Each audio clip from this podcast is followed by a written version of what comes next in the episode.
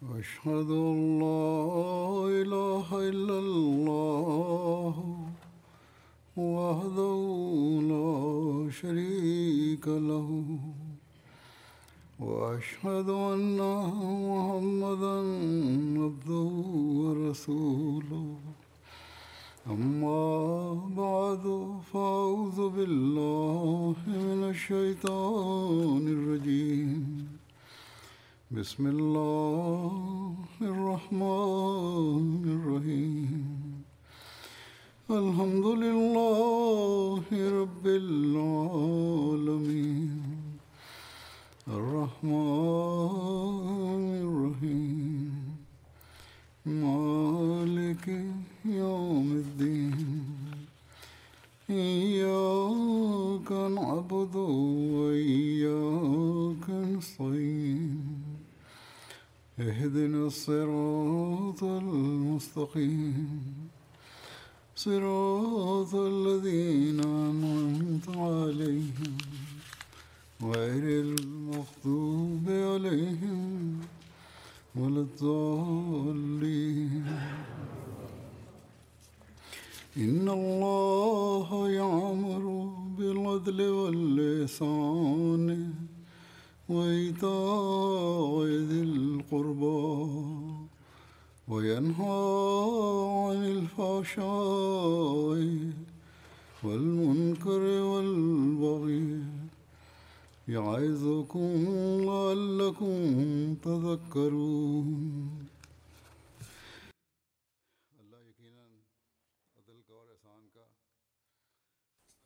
هذه الآية تقرأ في الخطبة الثانية لكل جمعة وعيدين، وذكرت فيها بعض الحسنات التي أمر الله بها، وبعض السيئات التي نهى الله عنها.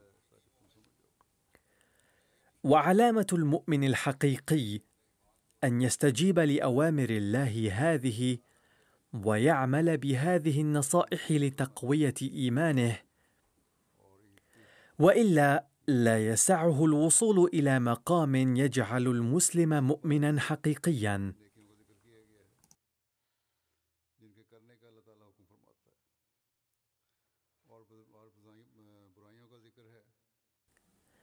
ولقد تكلم سيدنا المسيح الموعود عليه السلام عن الحسنات الواردة في هذه الآية أي العدل والإحسان وإيتاء ذي القربى في شتى كتبه ومجالسه.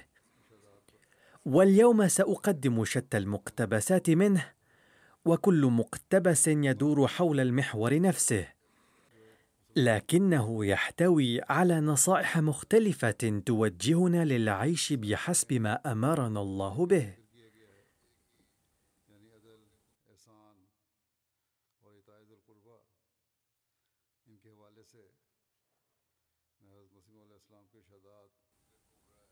والجدير بالذكر أن حضرته لم يتكلم عن هذه الخصائص والحسنات بخصوص علاقاتنا مع البشر فقط بل قد وضح لنا كيف نقوم بالعدل والإحسان وإيتاء ذي القربى تجاه الله.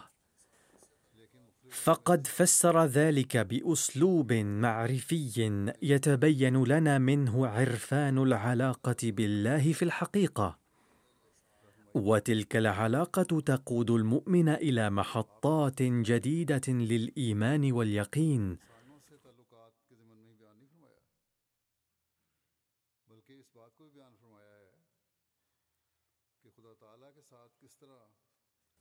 على كل حال سأقدم لكم الآن بعض المقتبسات من كلام حضرته عليه السلام إذا تدبرها الإنسان وسعى ليجعل العمل بها جزءا من حياته فيتزود بدستور يعقد علاقتنا بالله من ناحية ومن ناحية أخرى يلفت أنظارنا إلى تأدية حقوق بعضنا وبذلك يقيم مجتمعا يهتم بأداء حقوق الله وحقوق العباد. وهذا الشيء يضمن سلام المجتمع وسلام العالم أيضا. لكن المؤسف أن غالبية سكان العالم يعقدون العزم على هضم حقوق الآخرين سواء كانوا مسلمين أو غير المسلمين. صحيح أن المسلمين يذكرون الله ولكنهم متمادون في الظلم والاعتداء.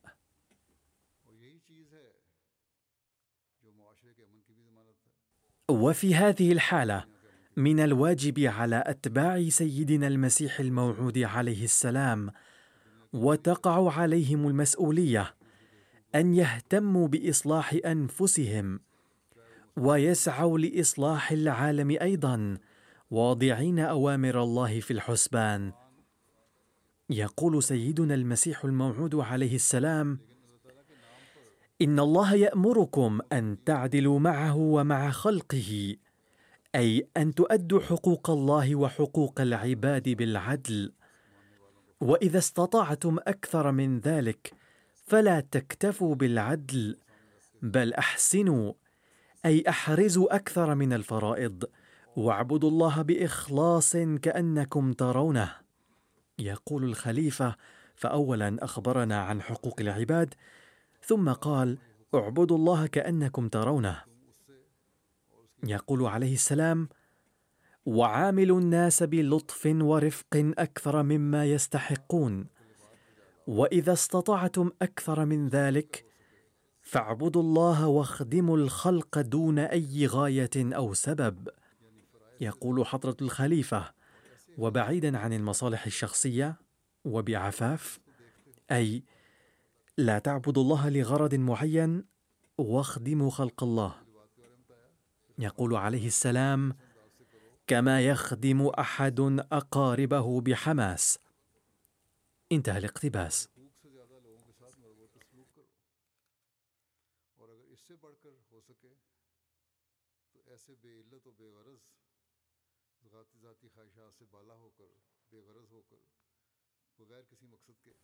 ثم وضح أكثر بحسب هذه الآية لافتا أنظارنا إلى أسلوب أداء حق الله وحق العباد أيضا وقال من المنطلق الأول تعني الآية أن عليكم أن تراعوا العدل في طاعة خالقكم ولا تكونوا من الظالمين أي يجب أن تراعوا العدل في طاعة الله.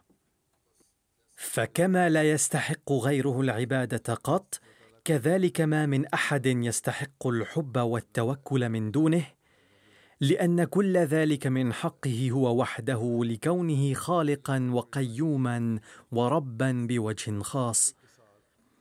اذا فالعدل تجاه الله هو أن تطيعوا الله لأنه خلقكم وهو قيوم وهو يتولى الربوبية.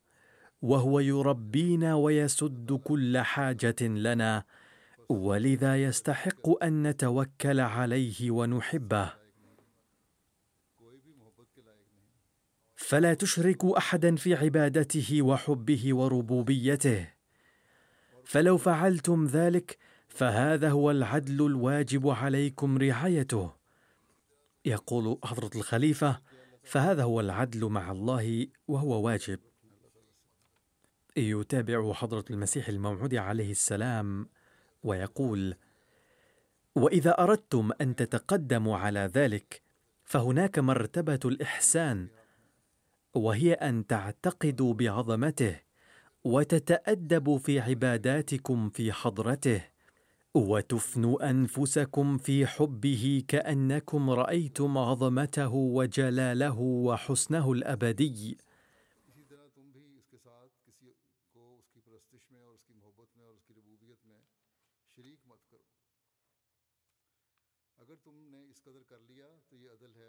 يشرح حضرة الخليفة نحن لا نستطيع أن نحسن إلى الله فالمراد من الإحسان إليه أن تتفانوا في عبادته وعزته وإجلاله وحبه كثيرا وكأنكم رأيتم عظمته وجلاله ودرستم صفاته وحسنه غير الفاني.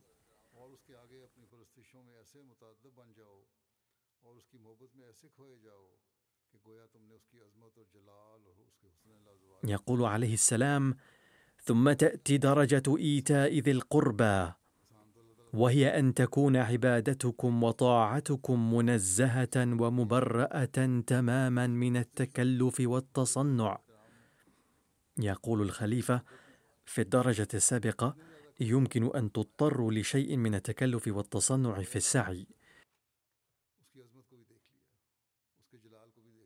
وبعده ينبغي أن تفوزوا بمقام لا يبقي في أعمالكم أي تكلف وتصنع مطلقا. وتعبدوا الله بحماس قلبي وتعرفوا عظمته وجلاله. يقول عليه السلام وتذكروه بعلاقة قلبية كذكركم آباءكم وأن يكون حبكم له كحب الولد لأمه الحبيبة.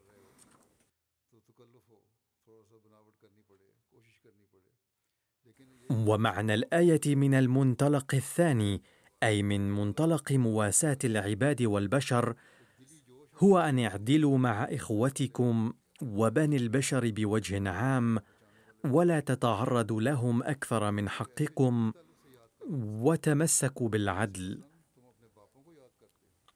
يقول حضرة الخليفة أي اعدلوا أما حقكم فيمكن أن تسألوهم إياه قائمين بالقسط. ولا تطالبوا ما ليس من حقكم. يقول عليه السلام أما إذا أردتم أن تتقدموا أكثر من هذه الدرجة أيضا فهناك درجة الإحسان بعدها وهي أن تحسن إلى أخيك الذي أساء إليك. أي يجب أن تبر من أساء إليك فهذا هو الإحسان. وتريحه مقابل إيذائه لك. واسعى لإفراحه وتأخذ بيده مواساة له وإحسانا. ثم تأتي درجة إيتاء ذي القربى وهي أنه كلما أحسنت إلى أخيك وإلى بني البشر فيجب الا يكون نابعا من نية المن عليهم. بل ينبغي أن يسطر بصورة طبيعية دون أن يكون هناك مطلب مستقبلي في الحسبان. بل ينبغي أن يسطر منك على غرار إحسان قريب إلى قريبه نتيجة حماس ناتج عن قرابة متينة. يقول حضرته أي يجب أن لا تكون مصلحة شخصية بل يجب أن تصدر الحسنة بحماس قلبي. يتابع حضرته عليه السلام ويقول اذا فهذه هي ذروة كمال التقدم الأخلاقي أي ألا يكون للإنسان مصلحة شخصية أو مطلب أو غرض شخصي في مواساته الخلائق. بل ينبغي أن ينمو حماس الأخوة والقرابة الإنسانية على مستوى عال بحيث تصدر من الإنسان الحسنات تلقائيا بحماس فطري دون أدنى تكلف وبغير أن يتوقع شكرا أو دعاء أو عوضا من أي نوع في المستقبل. انتهى الاقتباس. يقول حضرة الخليفة أي يجب الا يكون في بالكم أن يشكركم أو يدعو لكم أو يبركم من تحسنون إليه. يجب ألا يكون فيه طمع بل يصدر العمل منا لعلاقه القرابة.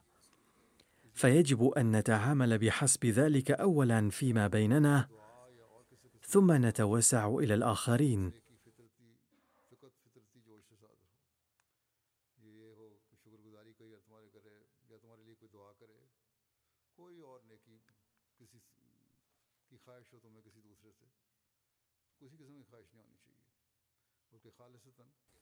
يقول حضرته عليه السلام عن حقوق الله أكثر ومعنى هذه الآية بخصوص حقوق الله أن تطيع الله متمسكا بالعدل لأن من خلقك ورباك وما زال يربيك من حقه أن تطيعه أنت أيضا.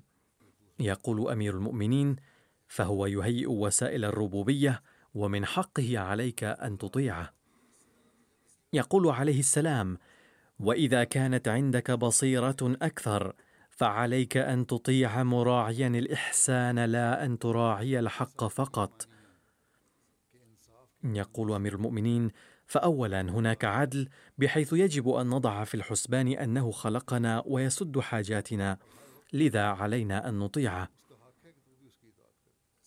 يقول عليه السلام بل يجب أن نطيعه ملتزمين بالإحسان لأنه محسن ونعماؤه لا تعد ولا تحصى. يشرح حضرة الخليفة؟ أي ينبغي أن تعدوا مننا الله ثم نظرا لها يجب أن تطيعوه فهذا هو الإحسان.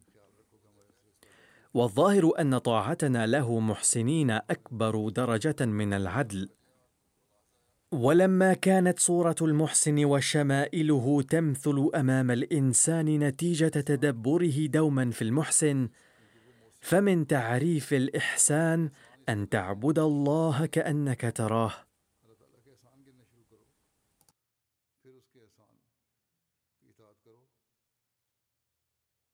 يقول حضرة الخليفة فمن مظاهر الشعور بالإحسان أن صورة المحسن وشمائله تظهر للعيان. فالمحسن هو الله تعالى ولا يمكن لأحد أن يقوم بالإحسان إلى الله. ولكن تذكر منن الله وإحسانه يجعل الإنسان محسنا.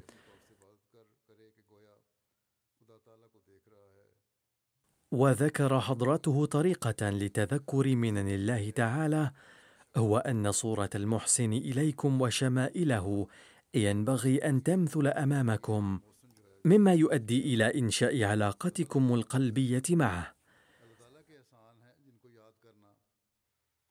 وعليه فإذا نشأت علاقتكم بالله تعالى فستخرون عابدين له وتقومون له بالعبادة التي تشعرون خلالها في قلوبكم وأذهانكم وكأنكم ترونه أمامكم. ثم قال حضرته وينقسم الذين يطيعون الله إلى ثلاثة أقسام حقيقة. اولا من لا يرون الإحسان الإلهي بوضوح بسبب بعض الغشاوة التي تكون عليهم أو جراء اتكالهم الزائد على الأسباب. مما يحجبهم من معرفة الإحسان الإلهي بشكل واضح. وبعدم معرفتهم بالإحسان. لا ينشأ في هؤلاء الحماس الذي ينشأ بالنظر إلى عظمة الإحسان ولا يتحرك فيهم الحب الذي لا يتحرك إلا عند تصور عناية المحسن العظيمة. أي لا يتولد فيهم الحماس ما لم ينشأ تصور صحيح عن الله تعالى. وما لا يتراءى وجه الله تعالى ولا يتولد في القلب الشعور بإحسان الله تعالى. وما لا يفكر الإنسان في ربوبية الله تعالى حقيقة. قال حضرته ولا يتحرك فيهم الحب الذي يتحرك بتصور عناية المحسن العظيمه أي لا يمكن أن تنشأ في قلوبهم حالة تنشأ حصرا بالنظر إلى عطاء المحسن. يقول عليه السلام وإنما يقبلون حقوق الخالق بنظرة إجمالية فقط أي أن هؤلاء يقبلون خالقية الله تعالى بشكل عابر قائلين بأن الله تعالى هو الخالق وهو من خلقنا ولكن تنقصهم المعرفة الدقيقة بالله تعالى. يقول عليه السلام ولا يوجهون ابدا أبصارهم إلى تفاصيل الإحسان الإلهي التي تظهر المحسن الحقيقي للعيان لأن غبار التوكل على الأسباب يمنعهم من رؤية وجه المسبب الحقيقي الكامل أي لقد غشيهم غبار الأسباب الدنيوية مما يحجب عنهم وجه الله الحقيقي. فلا يتيسر لهم النظر الصافي الذي يرون به جمال المعطي الحقيقي كاملا. أي لا يجدون تلك النظرة التي تخولهم الاطلاع على جمال المعطي الحقيقي. وإن معرفتهم الناقصة تشوبها شائبة الاهتمام بالأسباب. يقول حضرة الخليفة أي إن شيئا من المعرفة الإلهية التي هم حائزون عليها والعلم القليل الذي يتيسر لهم وبناء عليه يصلون مرة ويتكاسلون في الأخرى ويؤدون حق العبادة مرة ويهملونه في الأخرى. هما أيضا مشوبان بشوائب الاتكال على الأسباب أي تشوبهما أمور وأسباب ورغائب دنيوية. لذلك لا تريهم تلك المعرفة والعلم وجه الله تعالى بشكل صحيح. وبالتالي لا يستطيعون رؤية إحسان الله تعالى ومننه بصورة صحيحة. يقول عليه السلام ولا يلتفتون إلى الله بالالتفات الواجب عند مشاهدة الإحسان بحيث يبدي صورة المحسن للعيان بل تكون معرفتهم مكدرة أي يعلوها نوع من الضباب ولا يتراءى لهم وجه الله بصورة واضحة. والسبب في ذلك هو أنهم يتوكلون على جهودهم وأسبابهم كما أنهم يؤمنون تكلفا فقط بأن حق الله الخالق والرزاق واجب عليهم. يقول حضرة الخليفة أي أنهم لا يعلمون حقيقة معرفتهم فإنهم يرون أن أعمالهم قد أنجزت جراء قيامهم بخطوة كذا أو بسبب توكلهم على علمهم ومعرفتهم بأمور كذا وكذا. وإلى جانب ذلك لا بد أن يتأثروا ولو قليلا بسبب عيشهم في المحيط الديني مما يجعلهم يتذكرون شيئا من حق خالقية الله تعالى بأنه خلقهم وهيأ لهم أسباب الرزق والربوبية. فإن حالتهم متأرجحة بين هذا وذاك ولا يسعهم رؤية وجه الله تعالى في مثل هذه الحالة. يقول عليه السلام ولأن الله لا يكلف نفسا إلا وسع فهمها فلا يريد منهم ما برحوا في هذا المقام أن يشكروا حقوقه. والمراد من العدل في الآية إن الله يأمر بالعدل مثل هذه الطاعة التي تكون بمراعاة مقتضيات العدل وهنا تعمل رحمانية الله تعالى عملها. إذ يرحم الله تعالى أولئك الذين لا يستطيعون رؤية وجهه بشكل واضح فيقبل حالتهم تلك أيضا. يقول حضرته وهناك درجة من المعرفة أعلى من هذه الدرجة أي إن درجة العدل درجة أساسية وهي أدنى الدرجات بالنسبة إلى المسلم. ولكن هناك درجة أعلى لمعرفة الإنسان وهي يقول عليه السلام كما ذكرنا سابقا أن يرى الإنسان يد فضل الله وإحسانه منزها إياها عن التوكل عن الأسباب. أي إن الذي يتقدم خطوة تالية فلا يبقى توكله على الأسباب بل توفق نظرته لرؤية إحسان الله تعالى. ويصبح توكله الكلي على الله تعالى وينال معرفة الله تعالى. يقول عليه السلام ويخرج الإنسان في هذا المقام من حجاب الأسباب أي لا يتوكل على الأمور الدنيوية بل يتوكل كليا على الله تعالى. يتابع حضرته ويقول وتبدو الكلمات التالية إني حصدت ما زرعت ونجحت بسبب بذل جهودي أو نلت مرادي بسبب إحسان زيد ونجوت من الهلاك بسبب تيقظ عمرو باطلة وحقيرة. أي لا يعتمد الإنسان في هذه الدرجة على أي ميزه له ولا على جهوده كما لا يتوكل على مساعدة أحد أو كفاءاته. بل تبدو له كل هذه الأمور أشياء تافهة. يقول عليه السلام ولا يتراءى له إلا وجود واحد وقدرة واحدة ومحسن واحد ويد واحدة. ثم يرى إحسان الله بنظرة صافية لا تشوبها ذرة من شرك الأسباب به. يقول حضرة الخليفة فعندما يتراءى له الله تعالى يوفق لرؤية إحسان الله تعالى.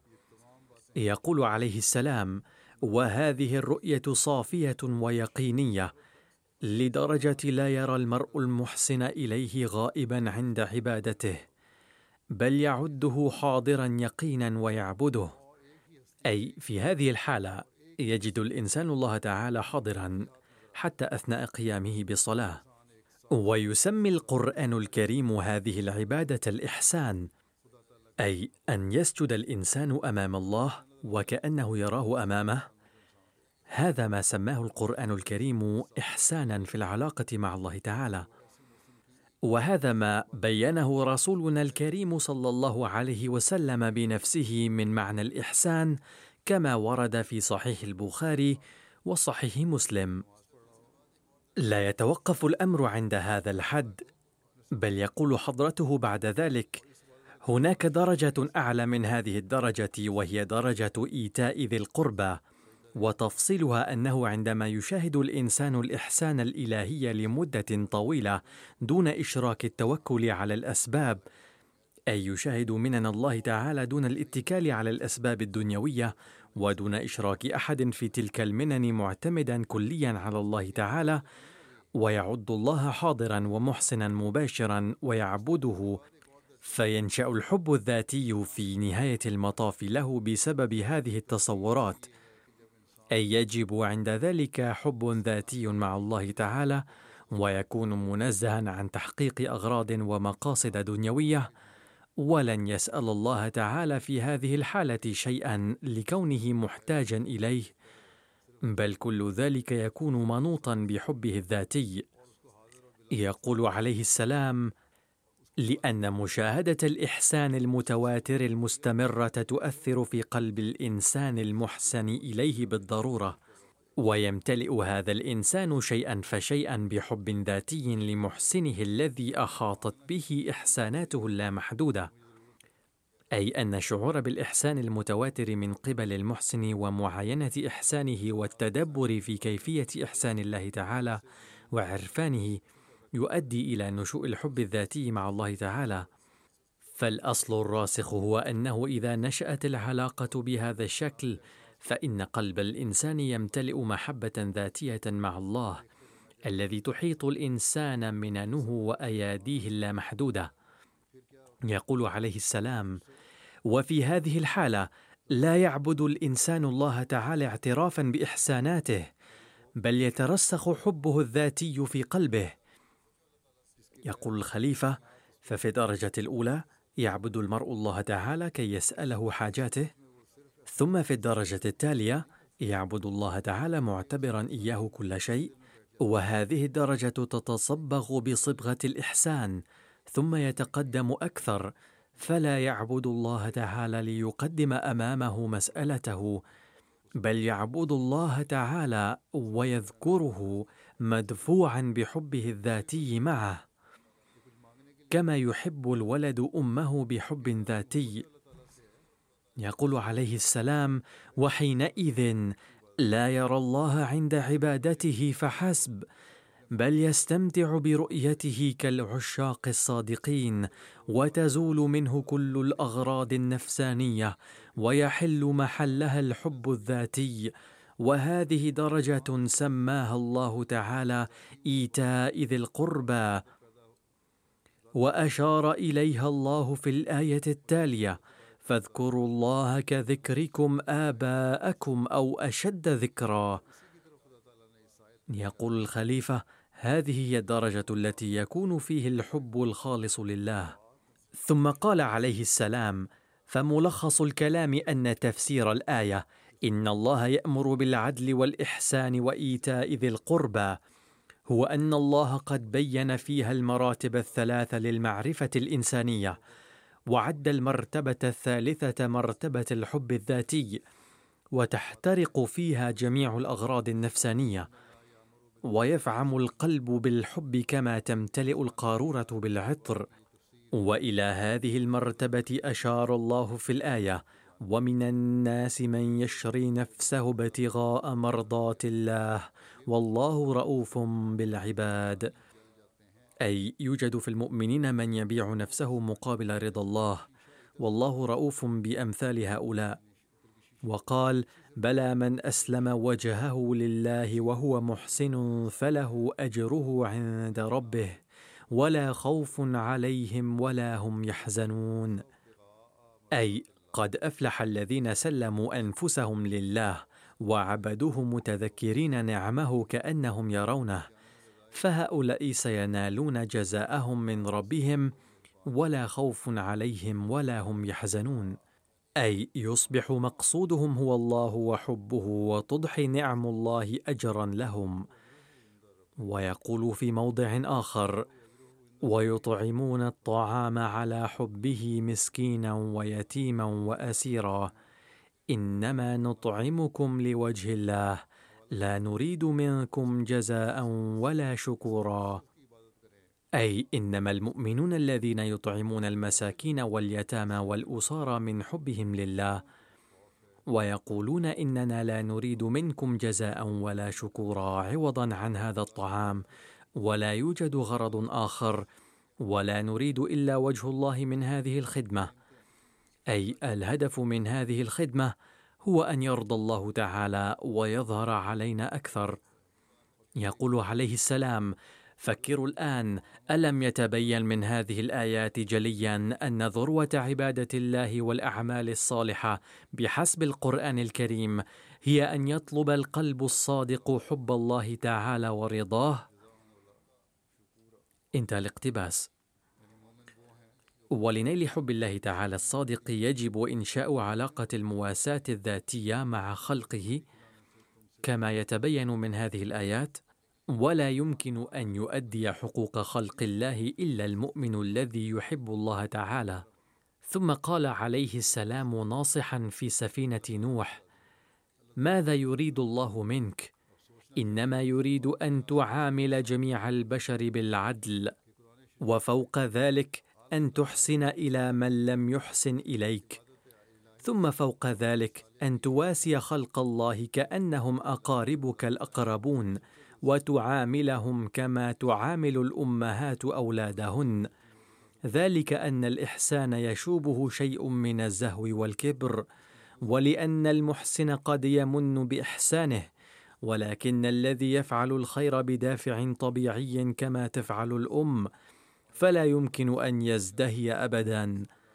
لذا فمنتهى درجات الخير هو الدافع الطبيعي له كدافع الأم. واعلم أن الآية المذكورة لا تخص المخلوق فقط بل تخص ذات الله أيضا. فأما عدلك مع الله تعالى فيعني أن تطيعه بذكر نعمه وأما إحسانك إليه فهو أن توقن به كأنك تراه. وأما إيتاء ذي القربى في حق الله تعالى فهو أن تعبده لا طمعا في الجنة ولا خوفا من الجحيم. بل حتى ولو افترضنا جدلا أنه ليس هناك جنة ولا نار فيجب ألا يفتر حبك وطاعتك لله. انتهى الاقتباس. هذا هو الحب الذاتي لله الذي مر تفصيله قبل ذلك وهذا ملخصه الذي بينه لنا حضرته في سفينة نوح. ثم يقول عليه السلام موجها إلى حقوق العباد أي أن الله يأمر أن تزيدوا على العدل وتقوموا بالإحسان بل ينبغي أن تزيدوا على الإحسان أيضا وعاملوا الناس باللطف وكأنهم أقاربكم وأحباؤكم. يجب الانتباه إلى أن المراتب ثلاثة فقط. اولا أن يعدل الإنسان أي يتمنى الحق مقابل الحق. وإذا زاد على ذلك فتليه مرتبة الإحسان. وإذا تقدم على ذلك فيغض بصره عن الإحسان أيضا. ويحب الناس كما تحب الأم ولدها بحماس طبيعي وليس بنية المنة. انتهى الاقتباس. هذا ملخص حقوق العباد.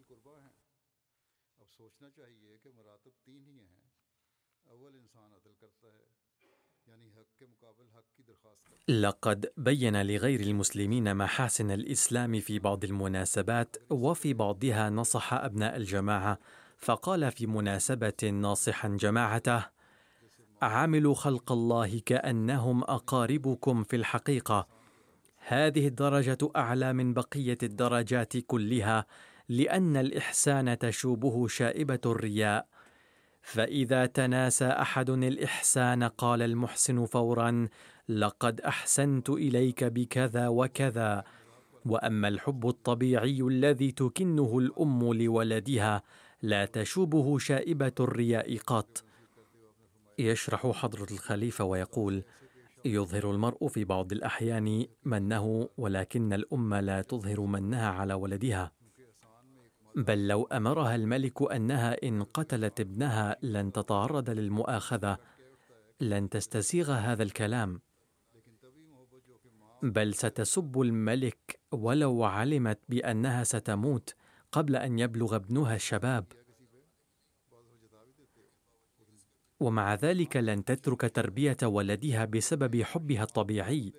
في كثير من الأحيان يرزق الآباء أولادا في سن متقدم ولا يكون هناك أي أمل ظاهري للاستفادة منهم ولكنهم مع ذلك يربونهم بالحب لأنه أمر طبيعي. لقد أشير في إيتاء ذي القربى إلى الحب البالغ هذه الدرجة أنه يجب أن يكون هذا الحب لله بحيث لا يطمع في المراتب ولا يخاف الخزي.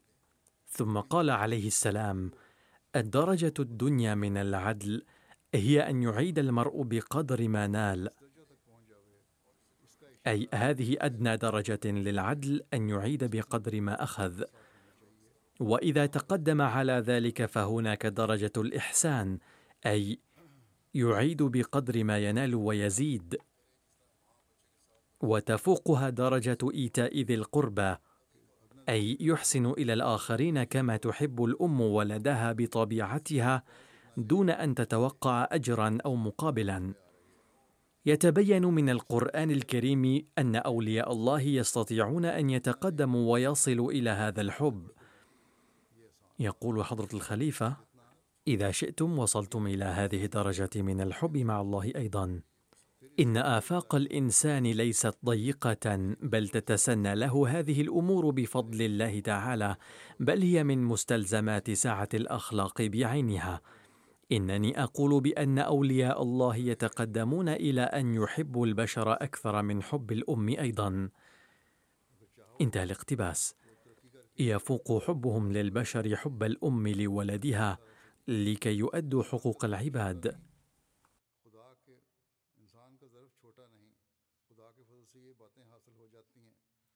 ثم قال عليه السلام حالة العدل كحالة المتقي في مرحلة النفس الأمارة. ولإصلاح هذه الحالة هو مأمور بالعدل. يقول الخليفة السعي للخروج من حالة السيئات ومن الأفكار السيئه أيضا عدل. يقول عليه السلام وفي هذه الحالة يضطر لمعارضة النفس. يشرح حضرة الخليفة معارضة النفس من أجل اجتناب السيئات أيضا نوع من العدل. يقول عليه السلام فمثلا إذا كان على المرء أن يسدد دين أحد ترغبه النفس في غصبه بأية طريقة ممكنة وإذا انقضى ميعاده أيضا لجشعت النفس أكثر وتجاسرت لأن في هذه الحالة لا تكون المؤاخذة القانونية أيضا ممكنة. ولكن هذا لا يجوز لأن العدل يقتضي أن يسدد الدين الواجب أي الذي يجب أداؤه والا يغصب بالحيل والأعذار. يقول حضرة الخليفة بعض الناس لا يؤدون القرض في وقته بل بعضهم ينكرون نهائيا إذا لم يكن هناك ما يثبت أنهم أخذوا القرض. على أي حال يجب أن يعلموا أن الله تعالى يرى كل عمل لهم وثانيا أقول في هذا الخصوص أن نزاعات التدين تنشأ بسبب ثقة الناس غير الضرورية بالآخرين. مع أن الله تعالى أمر بالكتابة عند التداين ولم يقل ألا تكتبوا إذا كان قريب لكم وصديق حميم لكم.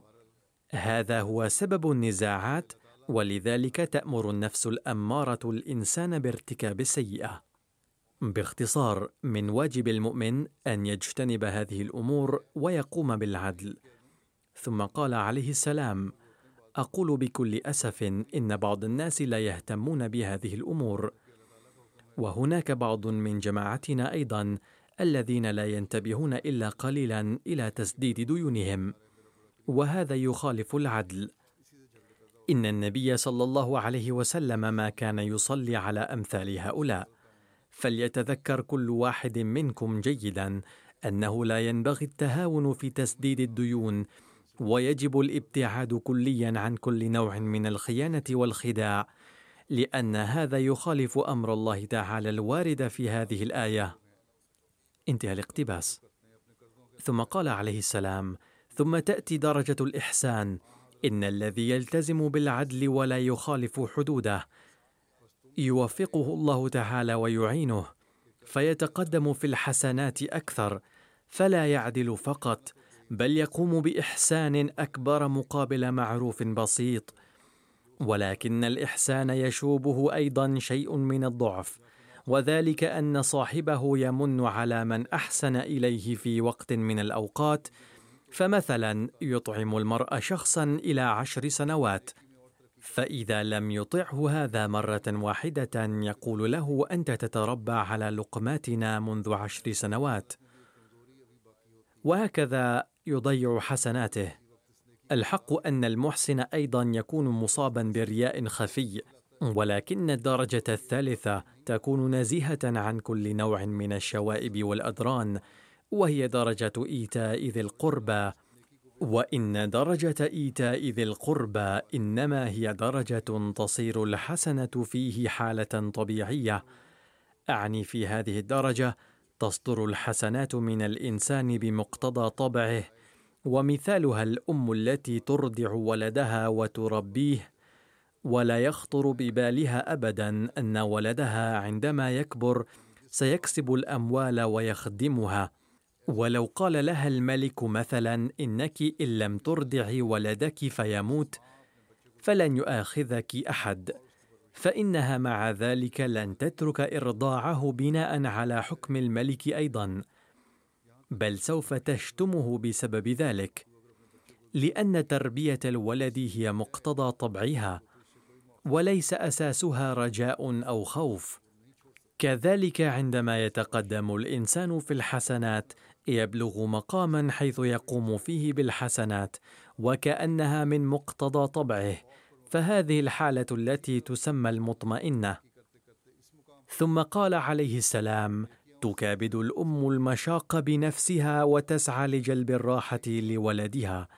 تستلقي على فراش بلله الولد وتهيئ له جزءا جافا منه. وحين يمرض تسهر الليالي وتقاسي أنواع المصائب. فهل توجد شائبة من التكلف والرياء فيما تعمله الأم لولدها؟ كلا إنها محبة خالصة. وبمثل هذه المحبة يجب أن يتحلى المؤمن فيما يتعلق بأداء حقوق الله وحقوق العباد.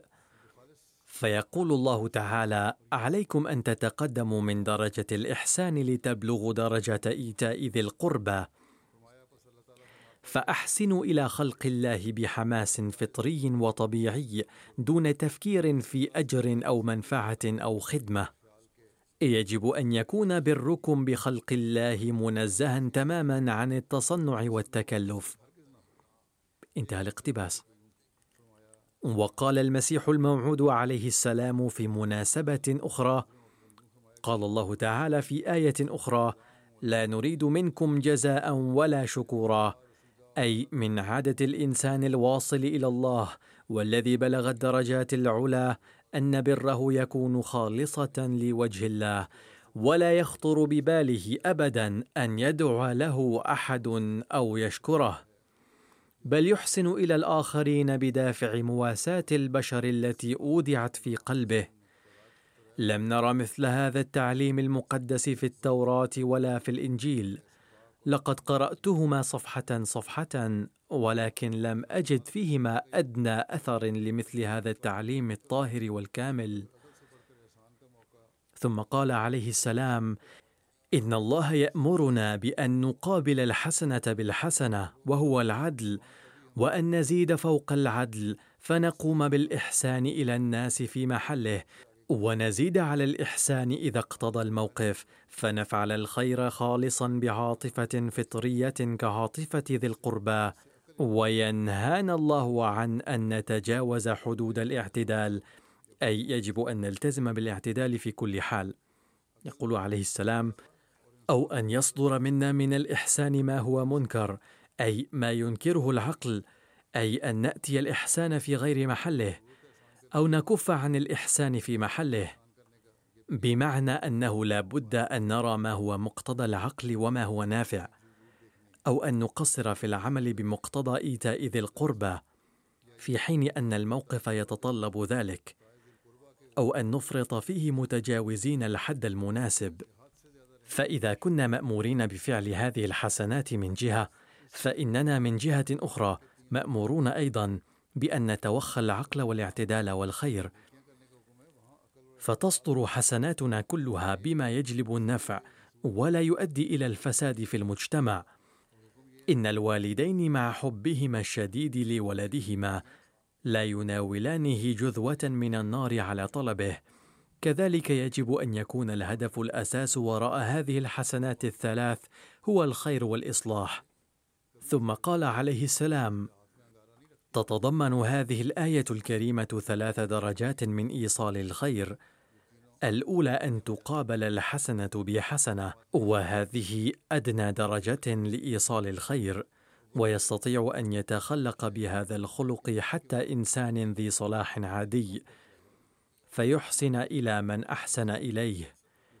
أي كل إنسان محترم يعمل هذه الحسنة لأنه أمر أساسي. وليس حسنة عالية بل هو النبل والمروءة. أما الدرجة الثانية فهي أصعب منها نيلا وهي أن يبدأ الإنسان بالحسنة من تلقاء نفسه وأن ينفع غيره تفضلا منه دون ما حق للآخر عليه. وهذا خلق وسط بين درجتين أي أن فعل الخير بأحد والإحسان إليه وجلب النفع له بغير أن يكون له حق عليه خلق من الدرجة الوسطى. وكثير من الناس يحسنون إلى الفقراء لكن الإحسان يشوبه عيب خفي وهو أن المحسن تحدثه نفسه بأنه قد من على الآخر فيريد على إحسانه له كلمة شكر أو دعاء منه على الأقل. وإذا خالفه المحسن إليه سماه ناكرا للجميل أو حمله أحيانا فوق طاقته بسبب ما فعل به من صنيع أي يقول المحسن في نفسه لقد أحسنت إليك ونفعتك كل هذه المدة أو انتفعت مني فيثقل عليه من الحمل ما يفوق طاقته ويذكره بإحسانه إليه ومنته عليه. ولذلك يحذر الله المحسنين بقوله لا تبطلوا صدقاتكم بالمن والأذى. أي لا تضيعوا بالمنة والإيذاء صدقاتكم التي يجب أن يكون أساسها الصدق والإخلاص. لقد حذر الله هنا مثل هؤلاء الناس وأخبرهم أن إحسانكم هذا لن ينفعكم شيئا. إن كنتم تتصدقون على أحد فيجب أن يكون أساسها الصدق. أما إذا مننتم عليه فقد ضاعت حسنتكم تماما. يقول عليه السلام لأن كلمة الصدقه مشتقة من الصدق فإذا خلا القلب من الصدق والإخلاص فلا تبقى صدقته صدقة. وإنما تكون تصرفا ناجما عن الرياء. وملخص القول يكون في المحسن ضعف وعيب إذ قد يمن بإحسانه على المحسن إليه إذا ما أخذته ثورة الغضب.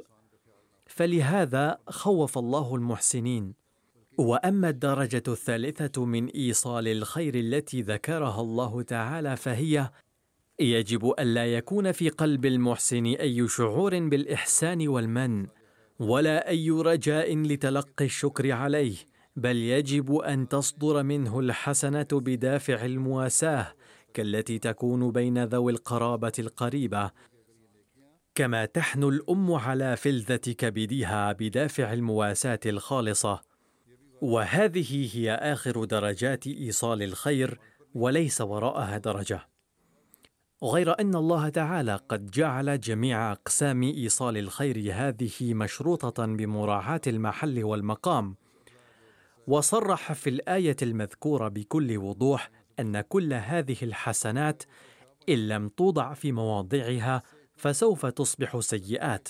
فهنا تحذير أيضا بأن هذه الحسنات إذا لم تصدر في محلها المناسب الصحيح وأدت إلى الفساد في المجتمع فلن تعود حسنات بل ستصير سيئات. يقول عليه السلام فيتحول العدل إلى فحشاء وهي تجاوز الأمر الحد المناسب بحيث يستقبح فيه وسيعود الإحسان منكرا. يقول حضرة الخليفة لقد ذكر هنا شيء من تفسير الجزئية التالية للآية أيضا حيث بين الله تعالى أن التجاوز عن حد الاعتدال يجعل الحسنة شيئا فاحشا ويحول الإحسان منكرا أي ما يرفضه العقل والوجدان ويصبح إيتاء ذي القربى بغيا. أي أن ظهور عاطفة الشفقة في غير موضعها سيؤدي إلى موقف غير محمود. ذلك أن البغي في الحقيقة هو المطر الذي يتجاوز الحد ويدمر الزروع.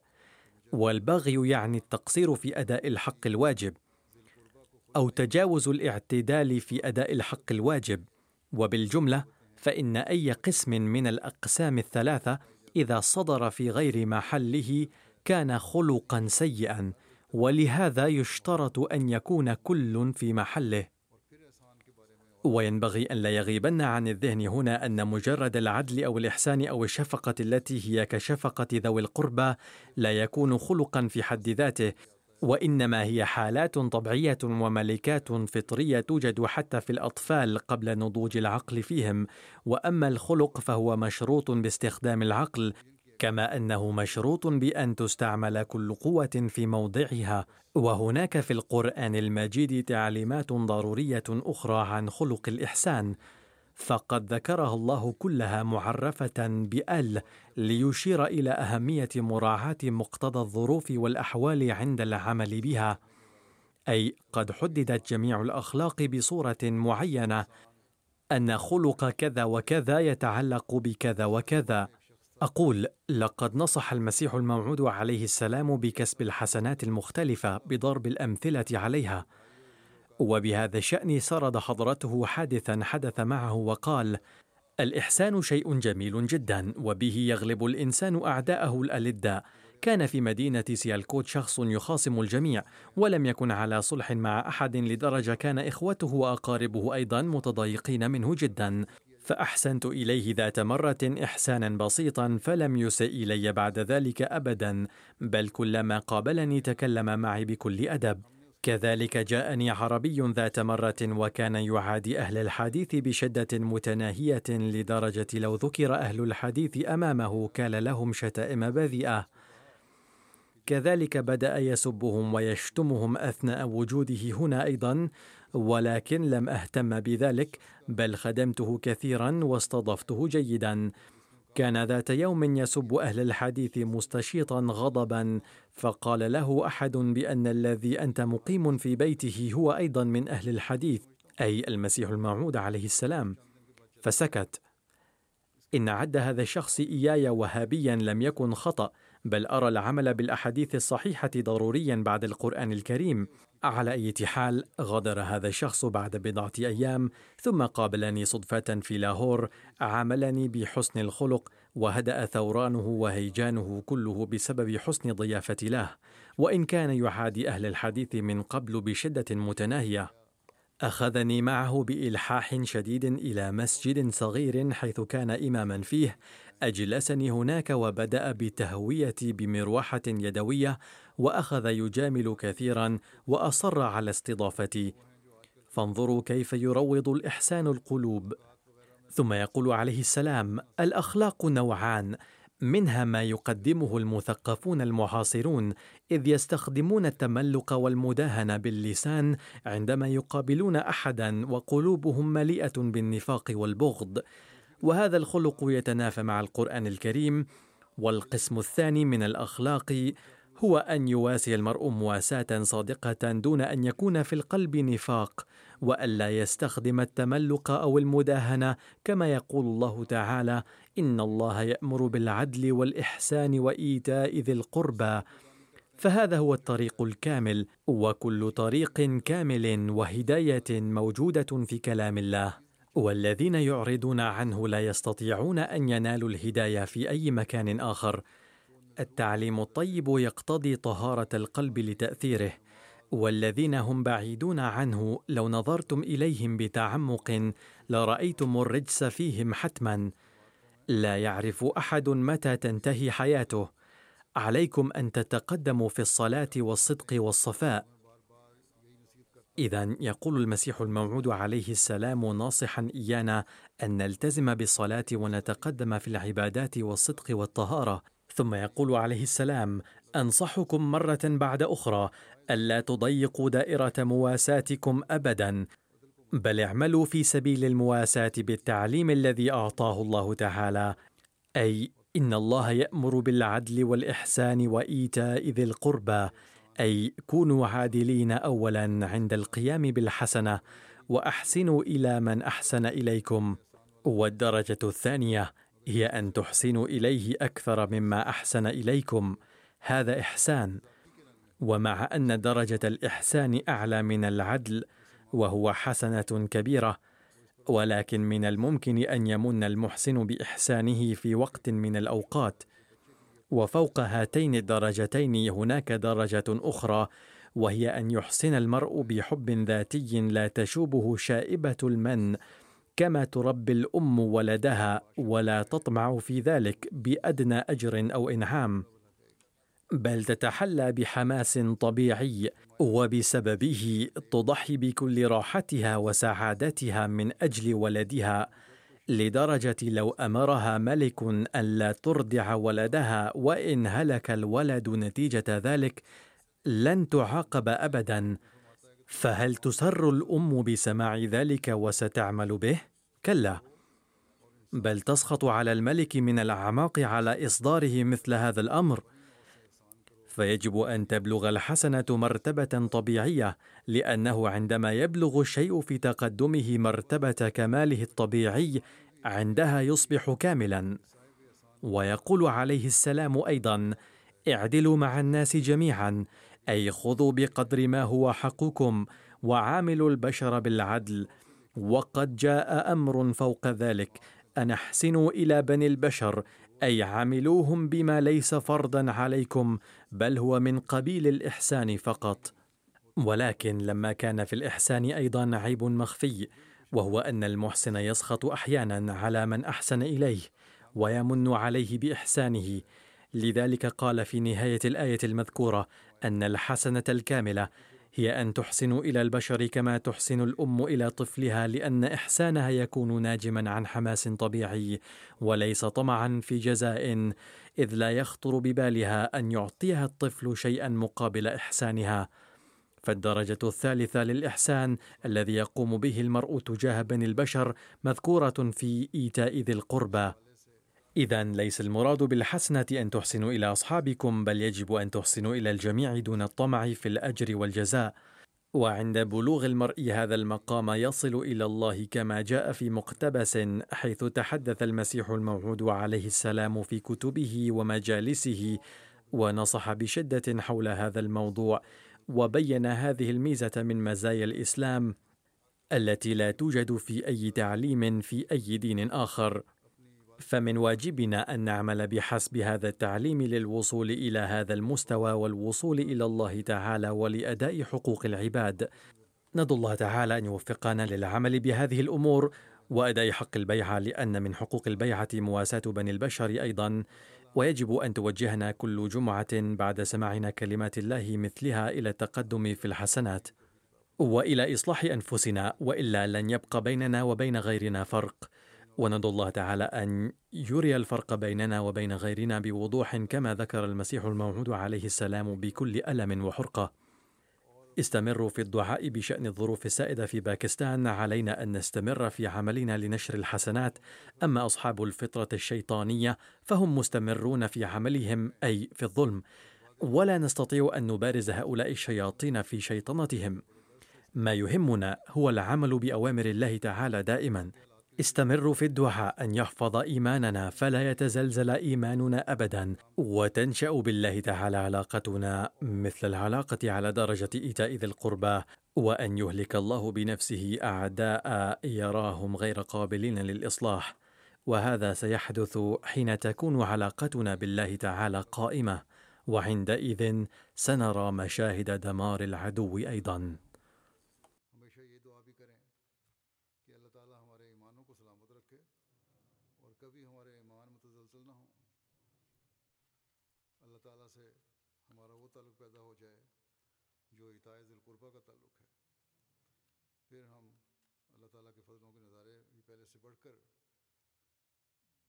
دیکھیں گے انشاء اللہ تعالیٰ۔ اور جو دشمن ہیں، اللہ تعالیٰ کی نظر میں اور ناقابل اصلاح ہیں، اللہ تعالیٰ کی نظر میں۔ اللہ تعالیٰ انہیں خود تباہ کرے۔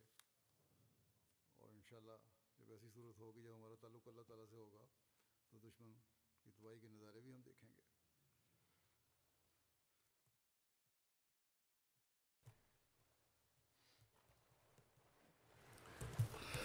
الحمد لله الحمد لله نحمده ونستعينه ونستغفره ونؤمن به ونتوكل عليه ونعوذ بالله من شرور أنفسنا ومن سيئات أعمالنا.